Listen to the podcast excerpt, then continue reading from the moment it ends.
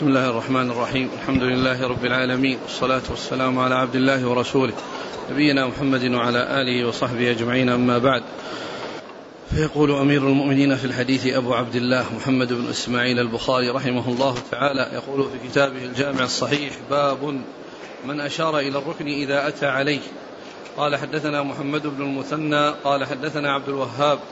قال حدثنا خالد عن عكرمة عن ابن عباس رضي الله عنهما أنه قال طاف النبي صلى الله عليه وعلى آله وسلم بالبيت على بعير كلما أتى على الركن أشار إليه.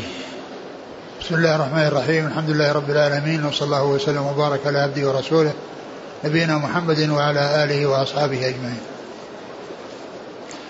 أما بعد يقول الإمام البخاري رحمه الله باب إذا أشار من أشار إلى الركن إذا أتى عليه. من أشار إلى الركن إذا أتى عليه. يعني من أشار إلى الركن إلى إلى الركن الذي هو الحجر الأسود إذا أتى عليه أي إذا حاذاه. لأنه لأن الحجر الأسود له أحوال ثلاث. يعني إما أن يقبله وإما أن يستلمه بيده أو بمحجن إذا كان راكبا ويقبل ما استلمه به. وإذا لم يكن لا هذا ولا هذا فإنه يشير إليه إذا حذاه يشير إليه إذا حذاه فهي أمور ثلاثة يعني للحجر الأسود التقبيل ثم المسح وتقبيل الممسوح ما مسح به ثم الإشارة إليه إذا حذاه فأما الركن اليماني فإنه لا يشار إليه ولا يقبل وإنما يمسح فقط ولا تقبل اليد إذا مسحته. نعم. قال طاف النبي صلى الله عليه وسلم بالبيت على على بعير كلما أتى على الركن أشار إليه. نعم طاف الرسول صلى الله عليه وسلم على بعير كلما أتى على الركن يعني كلما حاذاه أشار إليه. نعم. في أي طواف أشار إليه بيده. نعم. أي طواف هذا يا شيخ؟ ها؟ أي طواف؟ في أي طواف؟ لا فعله صلى الله عليه وسلم. كان في أي طواف؟ كان في الحج ولا في العمر ولا؟ إيش طوافه على البعير هنا. قال طاف لا هو في الحج في الحج نعم. طواف الإفاضة. نعم. طواف الإفاضة. لأن القدوم رمل. نعم نعم. قال حدثنا محمد بن المثنى نعم. عن عبد الوهاب بن عبد المجيد الثقفي. عن خالد الحذاء. عن عكرمة عن ابن عباس. نعم.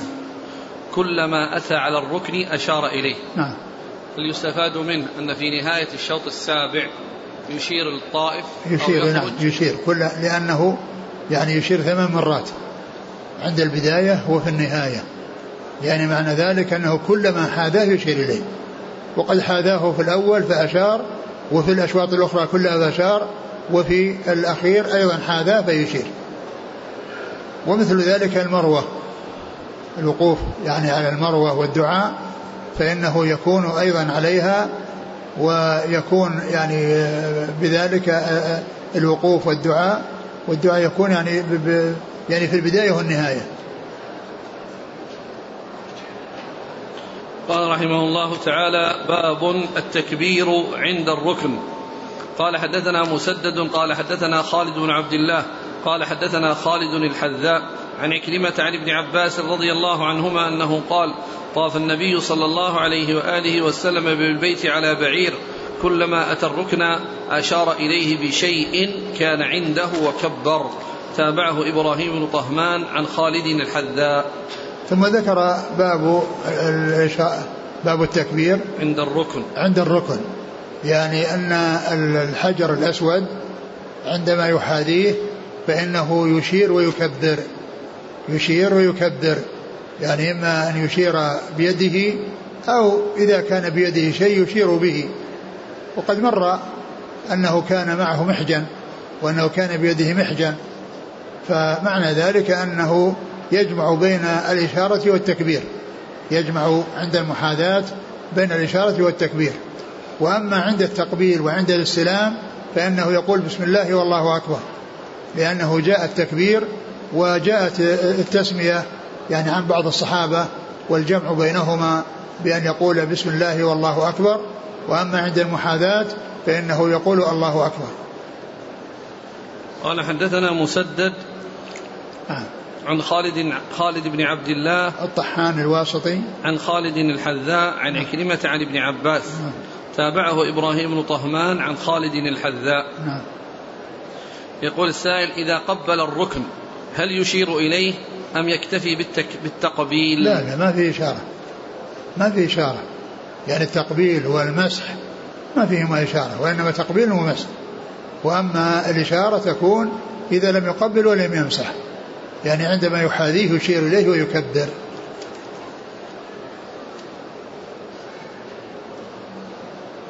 يقول آه، هل ثبت عن النبي صلى الله عليه وسلم السجود على الحجر الأسود مع التقبيل؟ جاء جاء في يعني في في بعض الروايات أو حسنها أو صحها بعض أهل العلم. قال رحمه الله تعالى باب من طاف بالبيت إذا قدم مكة قبل أن يرجع إلى بيته ثم صلى ركعتين ثم خرج إلى الصفا. قال حدثنا أصبغ عن ابن وهب قال أخبرني عمرو عن محمد بن عبد الرحمن قال ذكرت لعروة قال فأخبرتني عائشة رضي الله عنها أن أول شيء بدأ به حين قدم النبي صلى الله عليه وآله وسلم أنه توضأ ثم طاف ثم لم تكن عمره ثم حج أبو بكر وعمر رضي الله عنهما مثله ثم حججت مع أبي الزبير رضي الله عنه. مع هكذا. مع أبي الزبير. مع أبي الزبير. مع أبي الزبير رضي الله عنه فأول شيء بدأ به الطواف. ثم رأيت المهاجرين والأنصار يفعلونه. وقد أخبرتني أمي أنها أهلت هي وأختها والزبير وفلان وفلان بعمرة. فلما مسحوا الركن حلوا. ثم ذكر البخاري هذه الترجمة. باب إذا طاف بالبيت إذا قدم مكة قبل أن يرجع إلى بيته ثم صلى ركعتين ثم خرج إلى الصفا إذا إذا طاف بالبيت وصلى ركعتين ثم ذهب إلى الصفا يعني أن أن أن والحديث الحديث الحديث قال عائشة قالت أول شيء بدأ به حين قدم النبي صلى الله عليه وسلم توضأ ثم طاف. ثم لم تكن عمرة. يعني أول شيء بدأ به حين قدم. ومعلوم أن النبي صلى الله عليه وسلم قدم وهو, وهو قارن. وقد ساق الهدي. وفسخه للإحرام يكون عند تحلل يوم العيد. وأنه توضأ وطاف بالبيت. ولم تكن عمرة. يعني ولم يحصل منه عمرة بأن فسخ إحرامه لعمرة كالذي حصل للصحابة الذين كانوا لم يسوقوا هديا وهم قارنون ومفردون فإن هؤلاء تحولوا إلى عمرة بإرشاد النبي صلى الله عليه وسلم لأنه لا هدي معهم. وأما الذين ساقوا الهدي فقد بقوا على إحرامهم إلى يوم العيد. بقوا على إحرامهم إلى يوم العيد. وطافوا وسعوا وطافوا وسعوا. ومعلوم أن السعي بالنسبة للقارن والمفرد يعني إذا أتى بطواف القدوم فله أن يأتي به بعد بعده وله أن يؤخره إلى ما بعد طواف الإفاضة ولكن تقديمه هو الأولى لأنه هو الذي فعله رسول الله صلى الله عليه وسلم. فإنه طاف بالبيت طواف القدوم ثم سعى بين الصفا والمروة ولم يسعى بعد طواف الإفاضة لأن القارن والمفرد ليس عليهما إلا سعي واحد وهذا السعي له محلان محل بعد القدوم ومحل بعد الإفاضة فإن فعله في المحل الأول وهو بعد القدوم لا يفعله في المحل الثاني وإن لم يسعى مع القدوم فعله في المحل الثاني الذي هو طواف الإفاضة. قال ثم لم تكن عمرة؟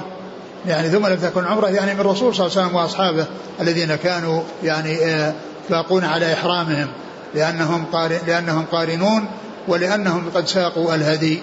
نعم. ثم حج أبو بكر وعمر رضي الله عنهما مثله. نعم مثله يعني أنهم كانوا يعني قارنين أو مفردين. نعم. ثم حججت قال ثم حججت مع أبي الزبير يعني رضي الله عروة يقول حججت مع أبي الزبير نعم مع والده الزبير. نعم. فأول شيء فأول شيء بدأ به الطواف ثم رأيت المهاجرين والأنصار يفعلونه. وقد أخبرتني أمي أنها أهلت هي وأختها والزبير وفلان وفلان بعمرة فلما مسحوا الركن حلوا. آه قولهم أنه أنهم يعني لما فسخوا لما أحرموا بعمرة وأنهم لما مسحوا الركن حلوا.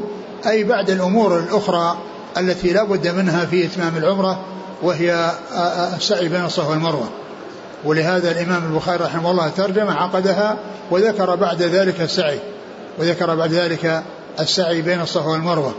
ولا يكون التحلل من العمرة بالطواف فقط وإنما بأداء ما هو مطلوب فيها من الطواف والسعي ثم التحلل بعد السعي. ولا يتحلل يعني قبل أن يسعى.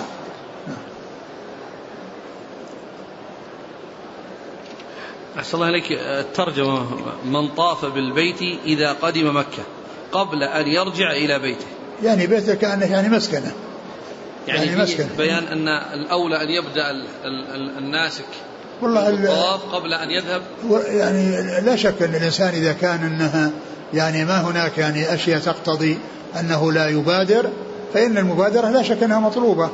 المبادرة مطلوبة لكن إذا كان أنه متعب وأراد أن يستريح أو أراد أن يبحث عن محل ويضع فيه متاعة يعني فإنه لا حرج عليه لا بأس بذلك لكن إذا أمكن ولم يكن هناك ما يقتضي التأخر عن عن عن الطواف فإن هذا هو الأولى بلا شك. قال حدثنا أصبغ ابن الفرج عن ابن وهب عبد الله بن وهب عن عمرو ابن الحارث نعم. الأنصاري عن محمد بن عبد الرحمن الذي هو يتيم, يتيم النوفلي يتيم نعم عروة. نعم. عن عروة عن عائشة. نعم. قولها أنه توضأ ثم طاف. توضأ يعني هذا فيه الدليل أنه توضأ لكن ما ندري هل هذا التوضأ تجديد الوضوء أو أنه من أجل حدث. الحاصل أن الإنسان إذا كان على طهارة يدخل ويطوف. إذا كان على طهارة يدخل ويطوف. وأما يعني آه، كونه يعني يجدد الوضوء أنها تجدد الوضوء لا أدري. لكن الطواف لا بد فيه من طهارة. لا بد فيه من طهارة وفيه صلاة بعد الطهارة آه، بعد الطواف يعني خلف المقام. ومن المعلوم أن المصلي لا يكون إلا على طهارة. المصلي لا يكون إلا على طهارة. والرسول عليه الصلاة والسلام قال في حق عائشة افعلي كل ما يفعل الحج إلا أن لا تطوف البيت حتى تطهريه. فإذا الوضوء يعني مطلوب في في في الطواف وأيضا مطلوب وأيضا في الطواف صلاة والصلاة لا بد فيها من الطهارة بالاتفاق. بخلاف الوضوء فإن فيه خلاف. قال حدثنا إبراهيم بن المنذر قال حدثنا أبو ضمرة أنس. قال حدثنا موسى بن عقبة عن نافع عن عبد الله بن عمر رضي الله عنهما أن رسول الله صلى الله عليه وسلم كان إذا طاف في الحج أو العمرة أول ما يقدم سعى ثلاثة أطواف ومشى أربعة ثم سجد سجدتين ثم يطوف بين الصفا والمروة. ثم ذكر هذا الحديث الذي فيه يعني التفصيل يعني فيما يتعلق بالطواف والسعي. وأنه كان إذا قدم أول ما يقدم يطوف يعني الذي هو طواف العمرة أو طواف القدوم. طواف العمرة إذا كان معتمرا وطواف القدوم إذا كان في حال حجه لأنه حج حجة واحدة عليه الصلاة والسلام. وكان يخب يعني ثلاثة أشواط. يخب ثلاثة أشواط يعني يسرع وهو الرمل ويمشي أربعا. وهذا يدل على أن أن الأمر استقر على أن أن الرمل يكون في الأشواط الثلاثة كلها. وقد كان في أول الأمر إنما يعني آه، آه، عمله الرسول صلى الله عليه وسلم لإظهار القوة أمام قريش الذين قالوا إنه قوم يقدم, يقدم عليكم قوم وهنتهم حمى يثرب. فأمرهم أن يرملوا في الأشواط الثلاثة الأول وأن يمشوا إذا كانوا بين الركن وال بين الركن وال إذا كانوا بين الحجر الأسود والركن اليماني لأن الكفار من من الجهة الشمالية والكعبة تحجب بينهم وبينهم فأمرهم أن يمشوا من أجل أن يحصل لهم يعني الراحة يعني شيء من الراحة. ولكنه في حجة الوداع رمل الأشواط الثلاثة كلها. فإذا دل على أن الحكم الذي استقر عليه الأمر هو الرمل في الأشواط الثلاثة الأول في في في كل حج أو نعم قال حدثنا إبراهيم بن المنذر عن أبي ضمرة أنس. أنس بن عياض. عن موسى بن عقبة عن نافع عن ابن عمر. نعم. قال حدثنا إبراهيم بن المنذر قال حدثنا أنس بن عياض عن, عب عن عبيد الله عن نافع عن ابن عمر رضي الله عنهما أن النبي صلى الله عليه وآله وسلم كان إذا طاف بالبيت الطواف الأول يخب ثلاثة أطواف. ويمشي أربعة وأنه كان يسعى بطن المسيل إذا طاف بين الصفا والمروة. وهذا فيه ما في الذي قبله من حصول الطواف والسعي وأن الرمل يعني يكون في الأشواط الثلاثة الأول وأن السعي الذي هو الإسراع في في السعي بين الصفا والمروة يكون فيما بين العلمين الذي كان فيما مضى بطن واد. يعني بطن واد منخفض يعني آآ آآ إذا إذا, وصل إليه فإنه يسرع إلى أن يصل الجانب الثاني. والآن وضع هذا علمان أخضران يدلان على بداية الوادي وعلى نهاية الوادي الذي كان يكون فيه الإسراع. يعني ففيه ذكر السعي ذكر الطواف وذكر السعي وذكر الرمل وذكر السعي الذي هو الإسراع الذي يكون عندما يكون في في بطن الوادي. نعم. قال حدثنا إبراهيم بن المنذر عن أنس بن عياض عن عبيد الله ابن ابن عمر العمري. عن نافع عن ابن عمر. نعم. قال رحمه الله تعالى باب طواف النساء مع الرجال. وقال عمرو بن علي حدثنا أبو عاصم قال قال ابن جريج أخبرنا قال أخبرني عطاء. أعد الإسناد. وقال عمرو بن علي حدثنا أبو عاصم قال ابن جريج أخبرنا قال أخبرني عطاء إذ منع ابن هشام النساء الطواف مع الرجال. قال كيف يمنعهن وقد طاف نساء النبي صلى الله عليه وسلم مع الرجال؟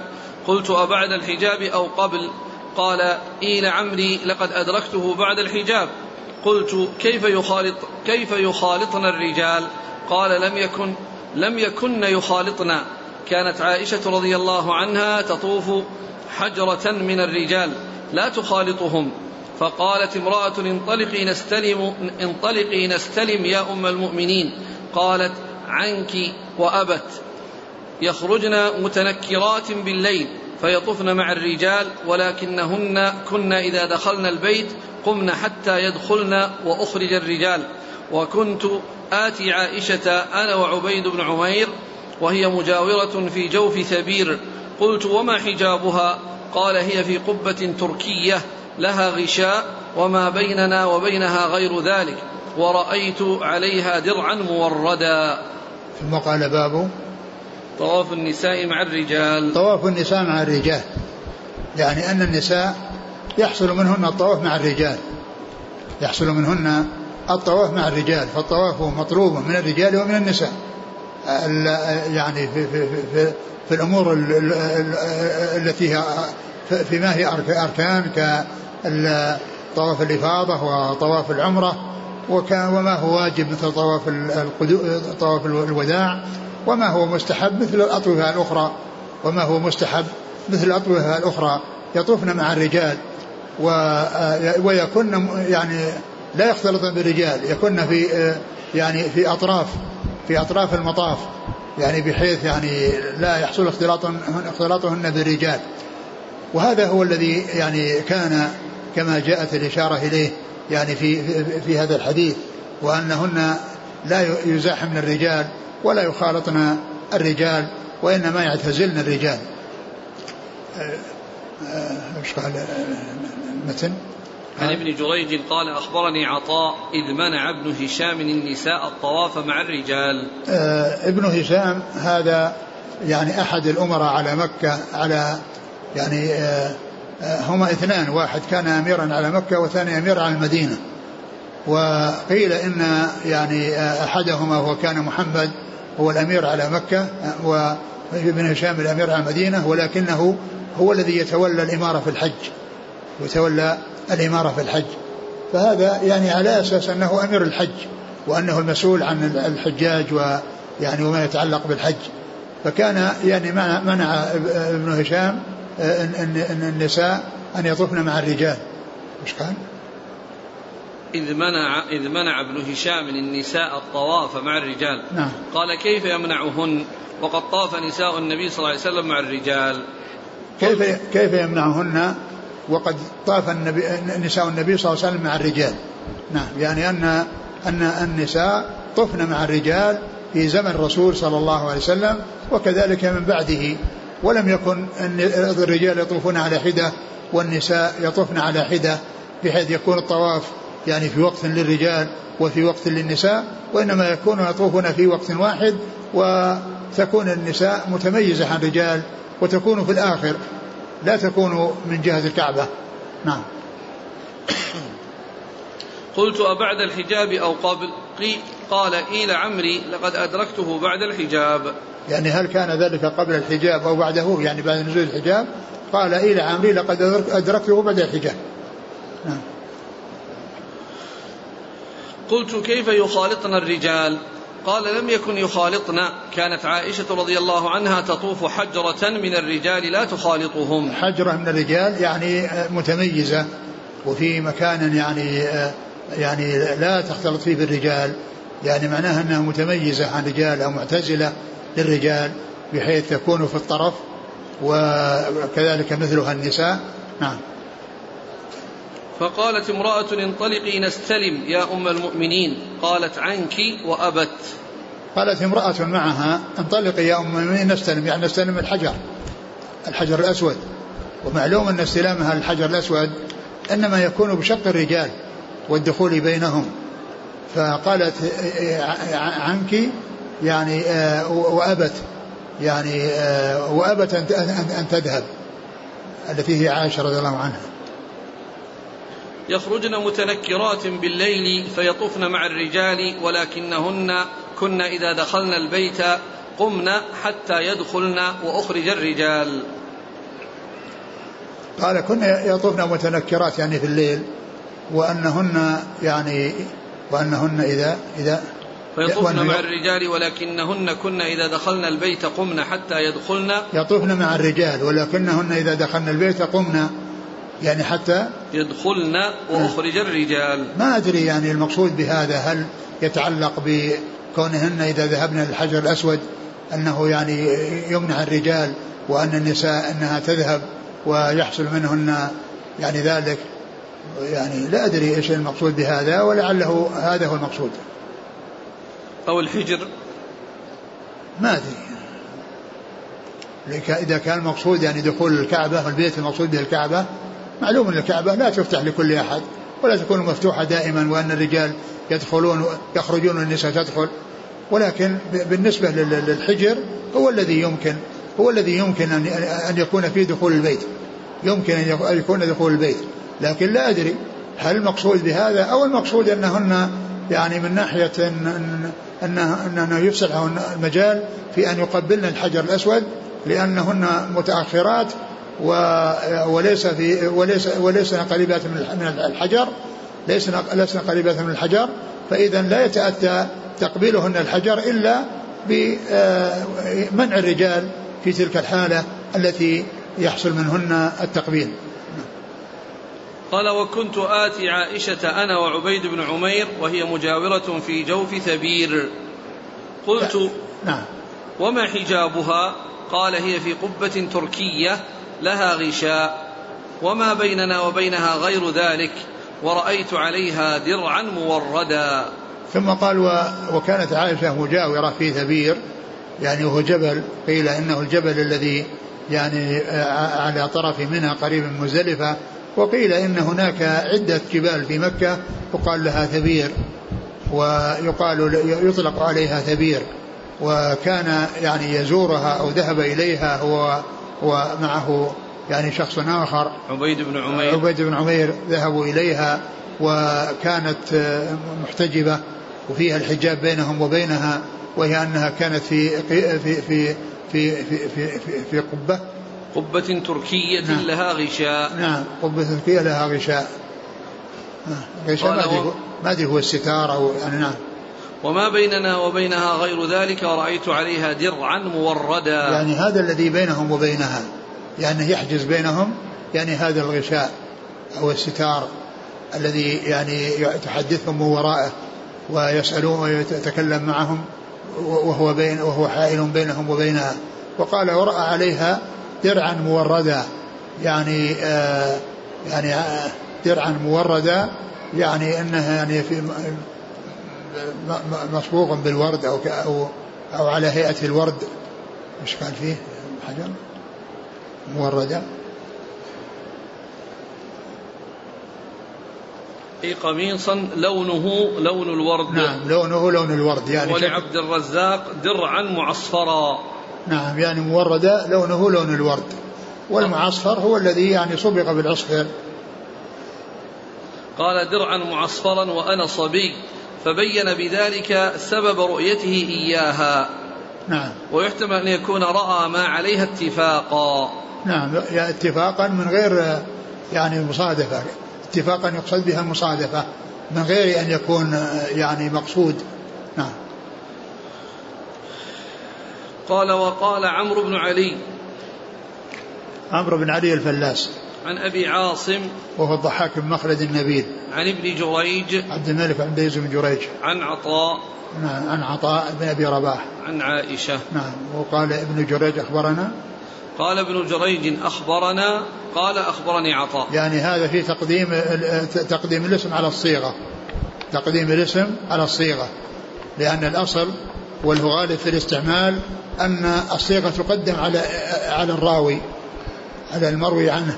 يقول أخبرنا وأما هنا قدم الاسم على الصيغة فقال ابن جريج أخبرنا بدل ما يقول أخبرنا ابن جريج قال ابن جريج أخبرنا وهذا مما مما قدمت فيه قدم فيه الاسم اسم المروي عنه على الصيغة على صيغة الرواية.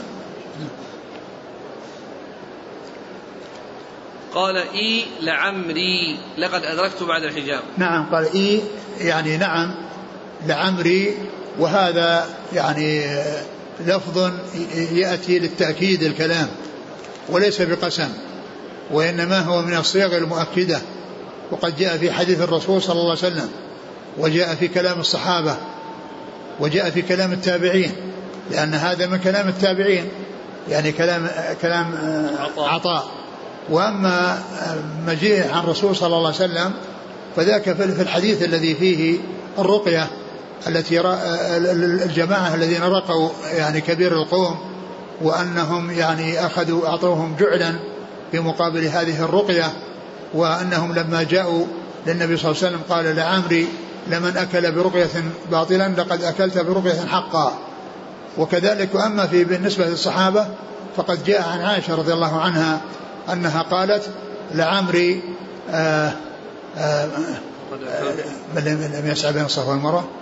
ما أتم الله حج من لم يسعى بين الصفا والمروة لعمري فهذا لفظ من ألفاظ تأكيد الكلام جاء في حديث الرسول صلى الله عليه وسلم وجاء يعني في كلام في كلام الصحابة وجاء في كلام التابعين. وجاء في القرآن لعمرك نعم. لكن بالنسبة ل يعني بالنسبة لله عز وجل يحلف. يقسم بنفسه وبما شاء من خلقه.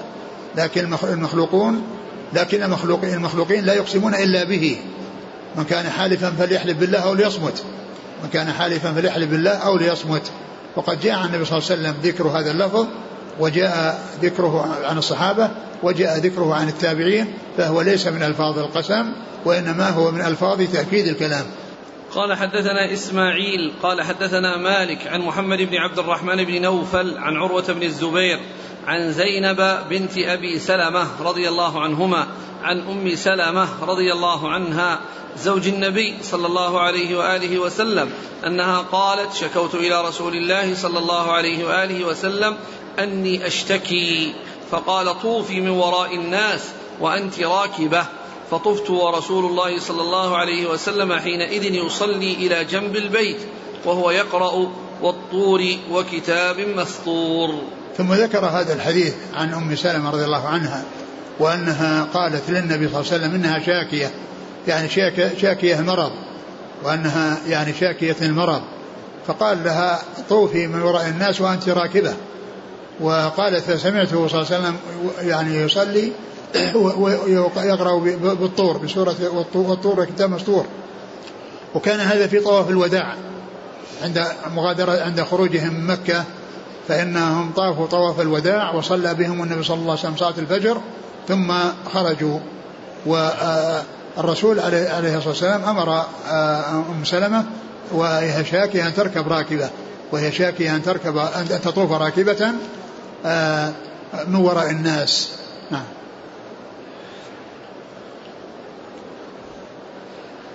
قال حدثنا إسماعيل عن عن عن مالك إسماعيل بن عبد الله الأويسي نعم. عن مالك عن محمد بن عبد الرحمن بن نوفل عن عروة بن الزبير عن زينب بنت أبي سلمة نعم. عن أم سلمة. نعم. في رواية البنت عن أمها ورواية الصحابية عن الصحابية. الله إليك. الباب باب طواف النساء مع الرجال. ونحن في هذا الزمن من يناشد بمنع اختلاط الرجال مع النساء في الطواف. ال يعني ال إذا تيسر يعني أن أن أن النساء يطوفن معتزلات عن الرجال فهذا هو المطلوب وهذا هو الذي ينبغي. لكن إذا كان يعني الإنسان معه يعني بعض محارمه وقد يكون فيهن الكبار ويخشى من من الضياع أو أو أنها بحاجة إليه ولا تستغني عنه فإن ذلك لا بأس به إن شاء الله. ولكن يعني ينبغي التباعد تباعد الرجال عن النساء والنساء عن الرجال بحيث لا يمس رجل امرأة ولا تمس امرأة رجلا. قال رحمه الله تعالى باب الكلام في الطواف. قال حدثنا إبراهيم بن موسى قال حدثنا هشام أن ابن جريج أخبرهم. قال أخبرني سليمان الأحول أن طاووسا أخبره عن ابن عباس رضي الله عنهما أن النبي صلى الله عليه وسلم مر وهو يطوف بالكعبة بإنسان ربط يده إلى إنسان بسير أو بخيط أو بشيء غير ذلك فقطعه النبي صلى الله عليه وسلم بيده ثم قال قده بيده. ثم ذكر الكلام في الطواف.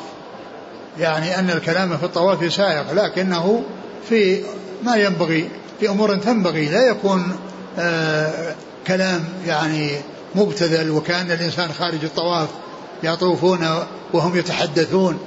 هذا لا يصلح. لكن إذا احتيج إلى الكلام فإنه لا بأس. لأن لأن الصلاة بالبيت الطواف بالبيت صلاة إلا أنه أبيح فيه الكلام. أبيح فيه الكلام ولكن الكلام الذي يحتاج إليه. لأن الإنسان إذا كان في الصلاة ما يتكلم ولو كان محتاجا إلى شيء إلا يعني إذا كان يعني ساهيا أو ما إلى ذلك فهذا شيء آخر. وأما كونه يتعمد الكلام يعني في الصلاة لا يجوز وأما بالنسبة للطواف فإنه يجوز الكلام فيه لأن لأن الطواف يختلف عن عن الصلاة يعني في هذا. فيجوز للإنسان يتكلم وأن يعني يتكلم مع صاحبه بشيء يعني يحتاج إليه كأن يواعده أو يعني أو يعني يتحدث يعني يخبره بشيء.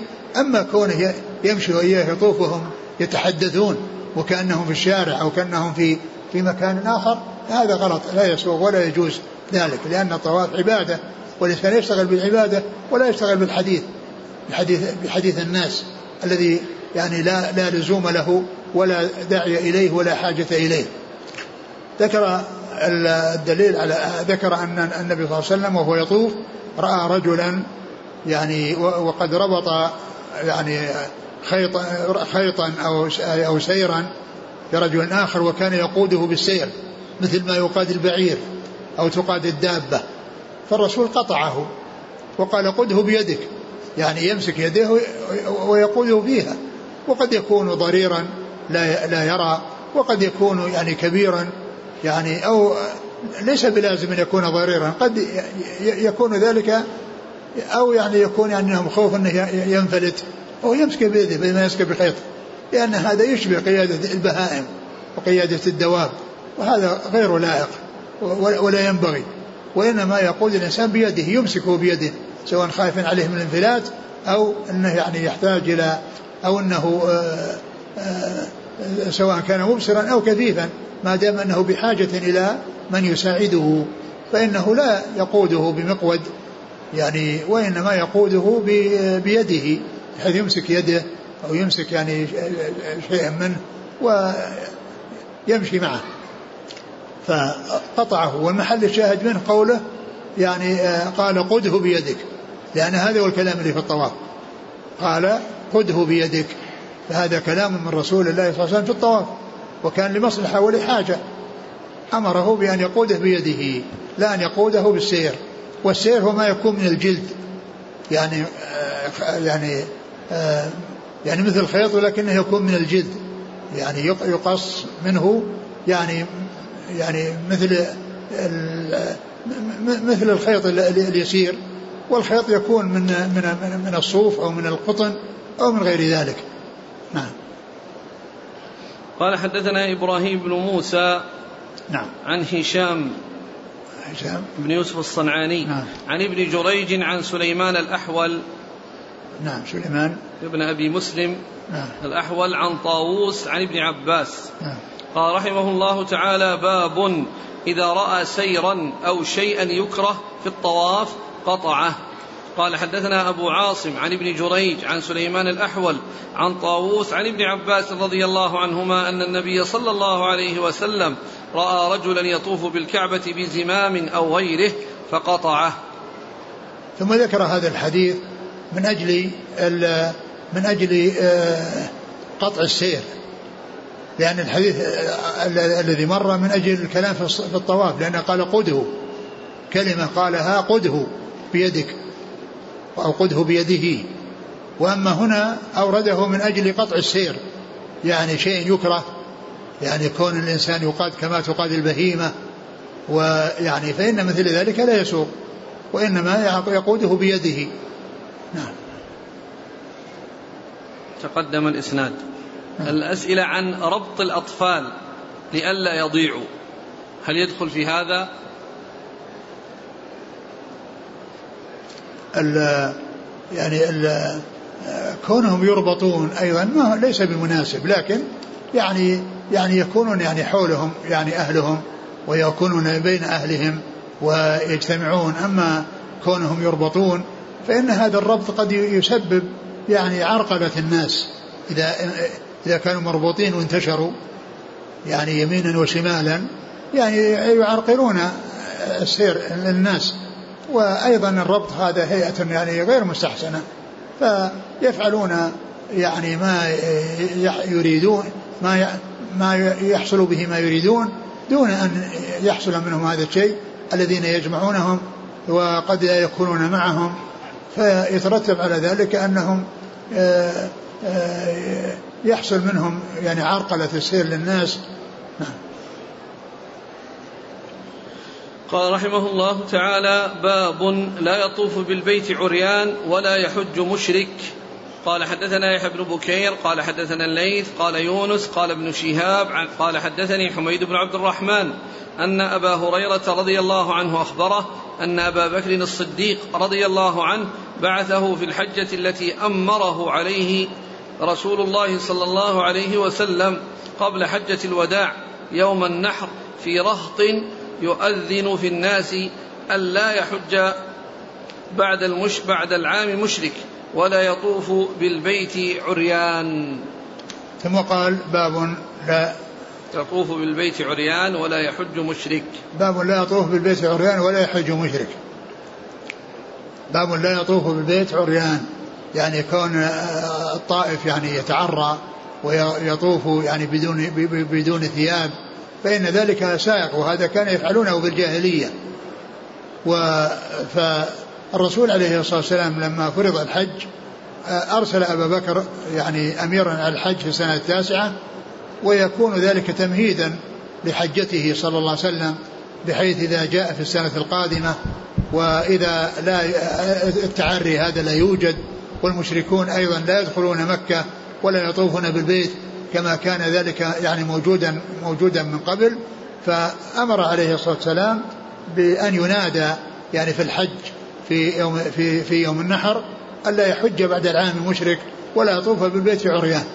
يعني فيكون فتكون الحجة التي يأتي بها رسول الله صلى الله عليه وسلم وقد آه، آه، أزيلت يعني هذه الأمور المنكرة التي كانت موجودة من قبل بحيث لا يطاف إلا بالتستر وبلبس الثياب وألا يطوف مشرك بل جاء القرآن إنما المشركون نجس فلا يقربوا المسجد الحرام بعد عامهم هذا. والمسجد الحرام المقصود بمكة يعني فإن أن الكفار لا يدخلون مكة لا يدخلون مكة فهذا فيه آه، تمهيد لحجته صلى الله عليه وسلم وأن آه، مكة تكون سليمة من هذه الأمور المنكرة التي كانت موجودة من قبل. نعم. قال حدثنا يحيى بن بكير عن الليث بن سعد. عن يونس عن ابن شهاب يونس بن يزيد. عن حميد بن عبد الرحمن نعم. عن أبي هريرة. نعم.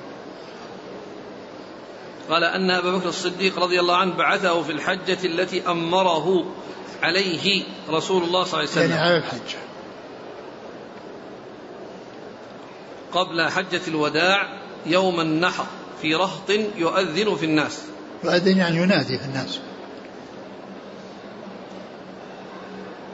والرواية التي بعث فيها علي. أيضا كذلك يعني جاء أنه بعث علي وكان كل منهم يفعل ذلك. قال رحمه الله تعالى باب إذا وقف في الطواف. إذا؟ وقف نعم. في الطواف. نعم. وقال عطاء في من يطوف فتقام الصلاة أو يدفع عن مكانه إذا سلم يرجع إلى حيث قطع عليه. ويذكر نحوه عن ابن عمر وعبد الرحمن بن أبي بكر رضي الله عنهم. انتهى. إذا وقف في الطواف.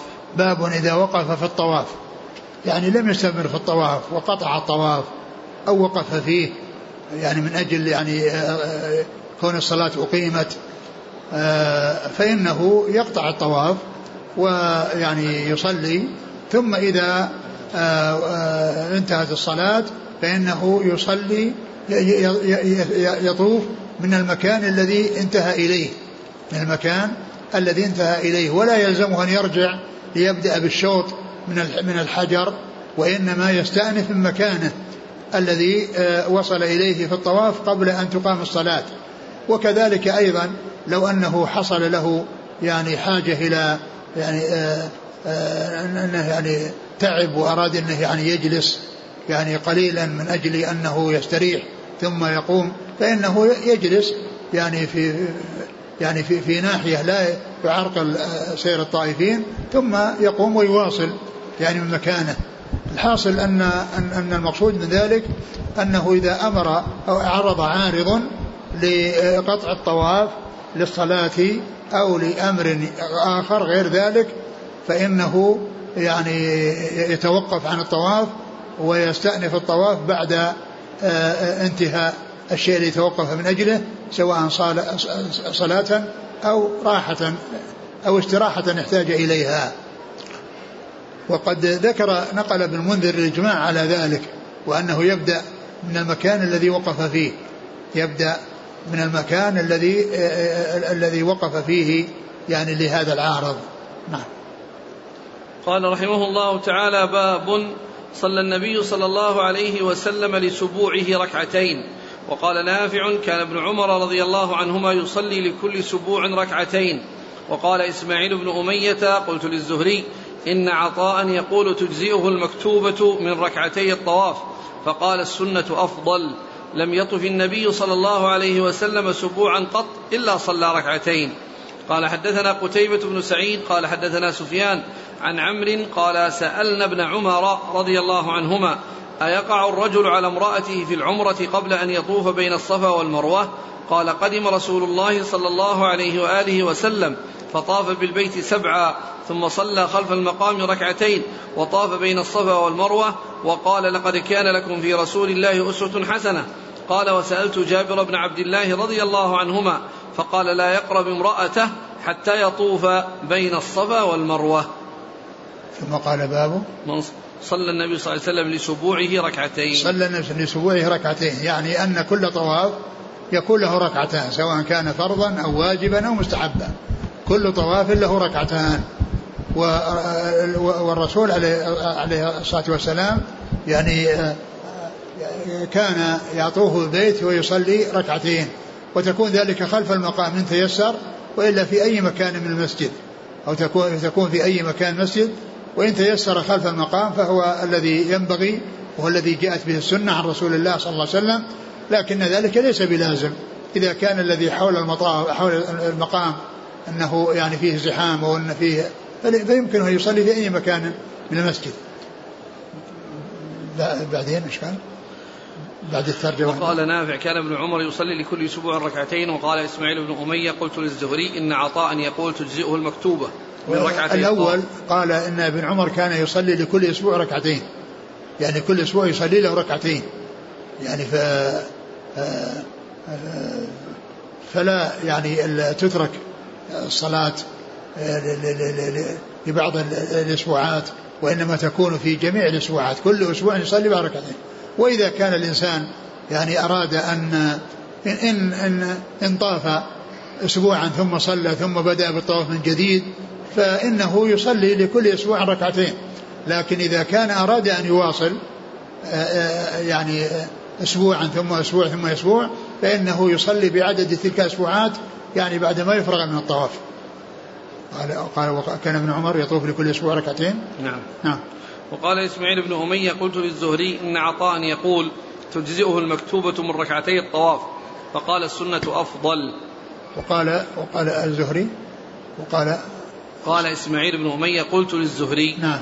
إن عطاء يقول تجزئه المكتوبة من ركعتي الطواف. يعني أن الإنسان إذا طاف بالبيت وأقيمت الصلاة ثم إنه صلى المفروضة قال عطاء تجزئه عن عن ركعتي الطواف. قال الزهري السنة أفضل يعني اتباع السنة أفضل وهو أن يؤتى بركعتين غير غير غير المفروضة لأن المفروضة يعني فرض يعني أدى أتى به وكل أسبوع له ركعتان فإنه يأتي بهاتين الركعتين يعني بعد ما يصلي المفروضة. إذا كانت أقيمت الصلاة وقد انتهى فإنه يصلي المكتوبة ثم يصلي ركعتي الطواف. بعد ذلك وهذا هو الذي يدخل تحت يعني أن كل أسبوع له ركعتان. عن عمرو بن دينار قال سألنا ابن عمر أيقع الرجل على امرأته في العمرة قبل أن يطوف بين الصفا والمروة؟ قال قدم صلى الله عليه وسلم فطاف بالبيت سبعا ثم صلى خلف المقام ركعتين وطاف بين الصفا والمروة وقال لقد كان لكم في رسول الله أسوة حسنة. قال سئل منه عمرو بن دينار قال سألنا ابن عمر. يعني عمرو بن دينار سألنا ابن عمر أيأتي امرأته الرجل المعتمر امرأته بعدما يطوف بالبيت بعدما يطوف بالبيت فيعني وقبل أن يطوف بين الصفا والمروة. وقبل أن يطوف بين الصفا والمروة. فقال إن النبي صلى الله عليه وسلم طاف يعني بالبيت وصلى خلف صلى ركعتين وسعى بين الصفا والمروة. وسعى بين الصفا والمروة ويعني آه، فلا يحصل التحلل من العمرة إلا بإكمال الطواف والسعي بين الصفا والمروه بعد الطواف ثم التحلل بقص الشعر أو بحلقه وبذلك يكون الانسان تحلل فيأتي أهله. أما قبل ذلك فليس له. يعني حتى لو أتى بالطواف يعني بالطواف والسعي ولم يأتي بالتقصير والحلق لا يفعل. وإنما عليه أن يأتي بالشيء الذي فيه التحلل والتحلل يكون بالحلق أو التقصير وسألت جابر بن عبد الله فقال لا يقرب امرأته حتى يطوف بين الصفا والمروة. يعني حتى يطوف يعني مثل ما قال ابن عمر يعني أن ما في لا, لا يحصل قربان النساء حق في حق المعتمرين إلا بعد الطواف والسعي بين الصفا والمروة والتحلل. يعني بعد ذلك بالحلق أو التقصير. قال حدثنا قتيبة بن سعيد عن سفيان. سفيان بن عيينة. عن عمرو. عن ابن عمر. عن عمرو بن دينار. نعم. عن هو بن عيينة نعم. قال رحمه الله تعالى باب من لم يقرب الكعبة ولم يطف حتى يخرج إلى عرفة ويرجع بعد الطواف الأول. قال حدثنا محمد بن أبي بكر قال حدثنا فضيل قال حدثنا موسى بن عقبة قال أخبرني كريب عن عبد الله بن عباس رضي الله عنهما أنه قال قدم النبي صلى الله عليه وآله وسلم مكة فطاف وسعى بين الصفا والمروة ولم يقرب الكعبة بعد طوافه بها حتى رجع من عرفة. ثم قال باب من لم يقرب الكعبة ولم يطف حتى يخرج إلى عرفة ويرجع بعد الطواف الأول. لم لم أوله من لم يقرب الكعبة. ولم يطف حتى يخرج إلى عرفة. ويرجع بعد الطواف الأول آه، المقصود يعني من هذه الترجمة أن أن أن أن, أن, أن الإنسان يعني عندما يعني آه، يدخل الكعبة ويطوف بها وهو حاج فإنه يعني لا يقرب الكعبة إلا بعد الرجوع من عرفة بحيث يطوف طواف الإفاضة بحيث يطوف طواف الإفاضة. والنبي صلى الله عليه وسلم آه، سبق أن مر أنه آه، يعني طاف آه، بالبيت وسعى من الصلوات ثم نزل ولم يرجع ولم يدخل الكعبة يعني حتى جاء من عرفة. ولم يدخل الكعبة حتى جاء من عرفة وهذا مثله. وهذا مثله بأنه يعني إذا دخل مكة يعني حاجا يعني فإنه يطوف ويسعى والقارن المفرد ساقوا الهدي يبقون على إحرامهم والذين لم يسوقوا الهدي يتحللون ولكنهم لا يدخلون يعني مكة يعني قبل إلا بعد الطواف بعد الرجوع من عرفة. وذلك من أجل أن من أجل التخفيف على الناس وعدم كثرة الزحام. والرسول عليه الصلاة والسلام فعل هذا فعل هذا. ولو, ولو, ولو دخل الناس فإنه لا, لا يكون محرما لكن الأولى أن من أدى الواجب وأدى المفروض أنه يترك المجال لمن يؤدي الفرض ولا يشتغل بالمستحبات التي تؤذي المفترضين. الطواف يأتي بالطواف المستحب وهو يؤذي المفترضين بل يترك المجال للمفترضين. نعم. والحديث؟ عن ابن عباس قال قدم النبي صلى الله عليه وسلم مكة فطاف وسعى بين الصفا والمروة ولم يقرب الكعبة بعد طوافه بها حتى رجع من عرفة. نعم. قال حدثنا محمد بن أبي بكر نعم. المقدمي عن فضيل بن سليمان النميري نعم. عن موسى بن عقبة عن كريب عن عبد الله بن عباس. نعم. قال رحمه الله تعالى باب من صلى ركعتي الطواف خارجا من المسجد. وصلى عمر رضي الله عنه خارجا من الحرم.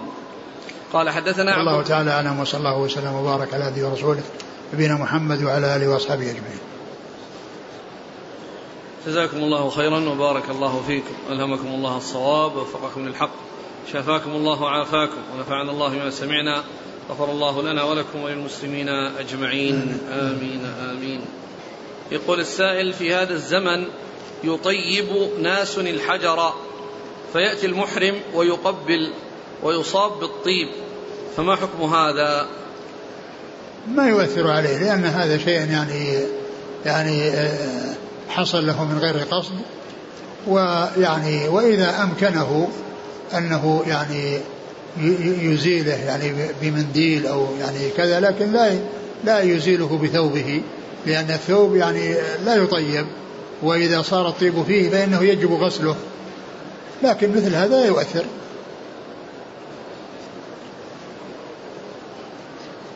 هل انقطاع الطواف لأجل نقض الطهارة مثل الانقطاع لأجل الصلاة؟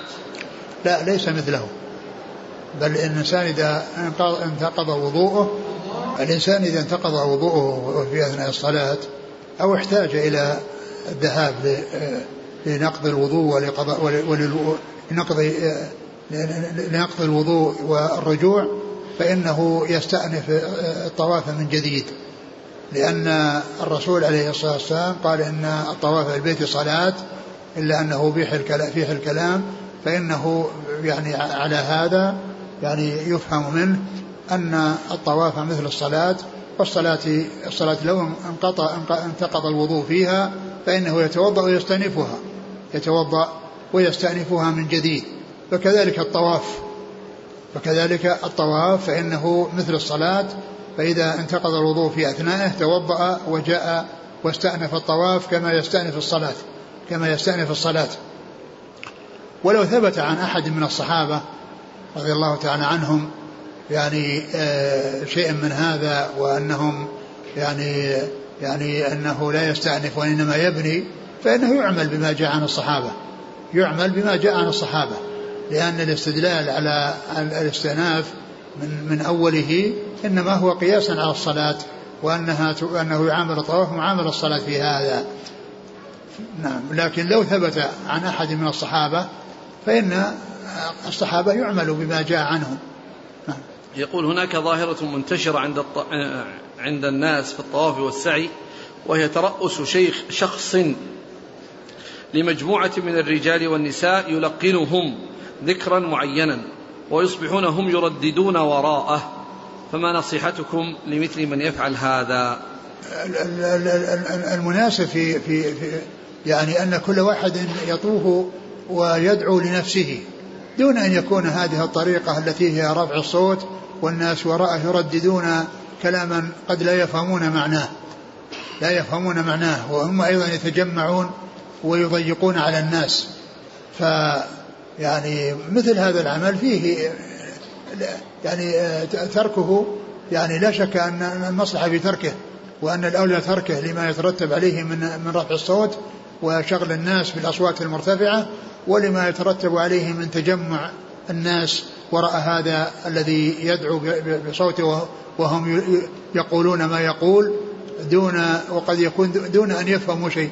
الإنسان يطوف ويدعو بما, بما عنده من الأدعية. يدعو بما عنده من الأدعية ويقرأ القرآن. وليس بلازم أنه يمشي وراء أحد يعني يلقنه كلمات أو أدعية. فتركه لا شك أن المصلحة فيه وأن الذي ينبغي أن كل واحد يطوف بنفسه ويدعو بالدعاء الذي يعني يحفظه والذي يعني الذي الذي يعلمه وكذلك قراءة القرآن. يقرأ ما تيسر من القرآن يقرأ ما شاء من القرآن ويدعو. ولكن الدعاء هو الأفضل وهو الأولى. يعني ولكن لا بأس أن يجمع بين القراءة وبين الدعاء. نعم. هذا أحسن الله إليك. يسأل يقول هل من النصح لولاة الأمر أن ينصحوا علانية عبر وسائل الإعلام وبيان أخطائهم والمطالبة بإخراج السجناء مع العلم بأن هناك من يطالب بالاعتصامات في المساجد لأجل مطالبة الحكومة بإخراج السجناء وخاصة الحركيين. كون يعني الناس يعني يأتون بأشياء يعني ترتب عليها مضرة ويترتب عليها إساءة ويعني ويعملون مثل هذه الأعمال التي استوردت من الغرب. واستوردت من الكفار وهي الاعتصامات والمظاهرات وما إلى ذلك كل هذه من الأمور المنكرة. وولاة الأمور ينصحون سرا ينصحون سرا ولكن إذا أظهر يعني بعض الناس أمور منكرة فإنه يرد عليهم ويبين للعامة الذين سمعوا هذا المنكر ورأوا هذا المنكر يعني يعرفون بطلانه وأن ذلك غير سائق. والولاة ينصحون سرا ولا يؤتى بالأشياء التي يترتب عليها مضرة وفتن كالمظاهرات والاعتصامات التي ما يعرفها المسلمون وإنما جاءت من أعدائهم الكفار. يقول نحن طلاب الجامعة الإسلامية صرف لنا مبلغ من المال بدلا عن الكتب وبدلا عن التجهيز. فهل يجوز أن نصرفها في غير ما أعطينا له؟ الشيء الذي أعطيت إياه لغرض معين تصرفه فيه لأنك ما أعطيت إياه إلا من أجل هذا. وأنت بحاجة إلى الكتب المفيدة والكتب هي سلاح المؤمن سلاح طالب العلم ويعني ف فلا يستعملها في أمور أخرى وإنما يستعملها في الذي خصصت فيه. نعم. جزاكم الله خيرا. سبحانك الله وبحمدك نشهد أن لا إله إلا أنت نستغفرك ونتوب إليك.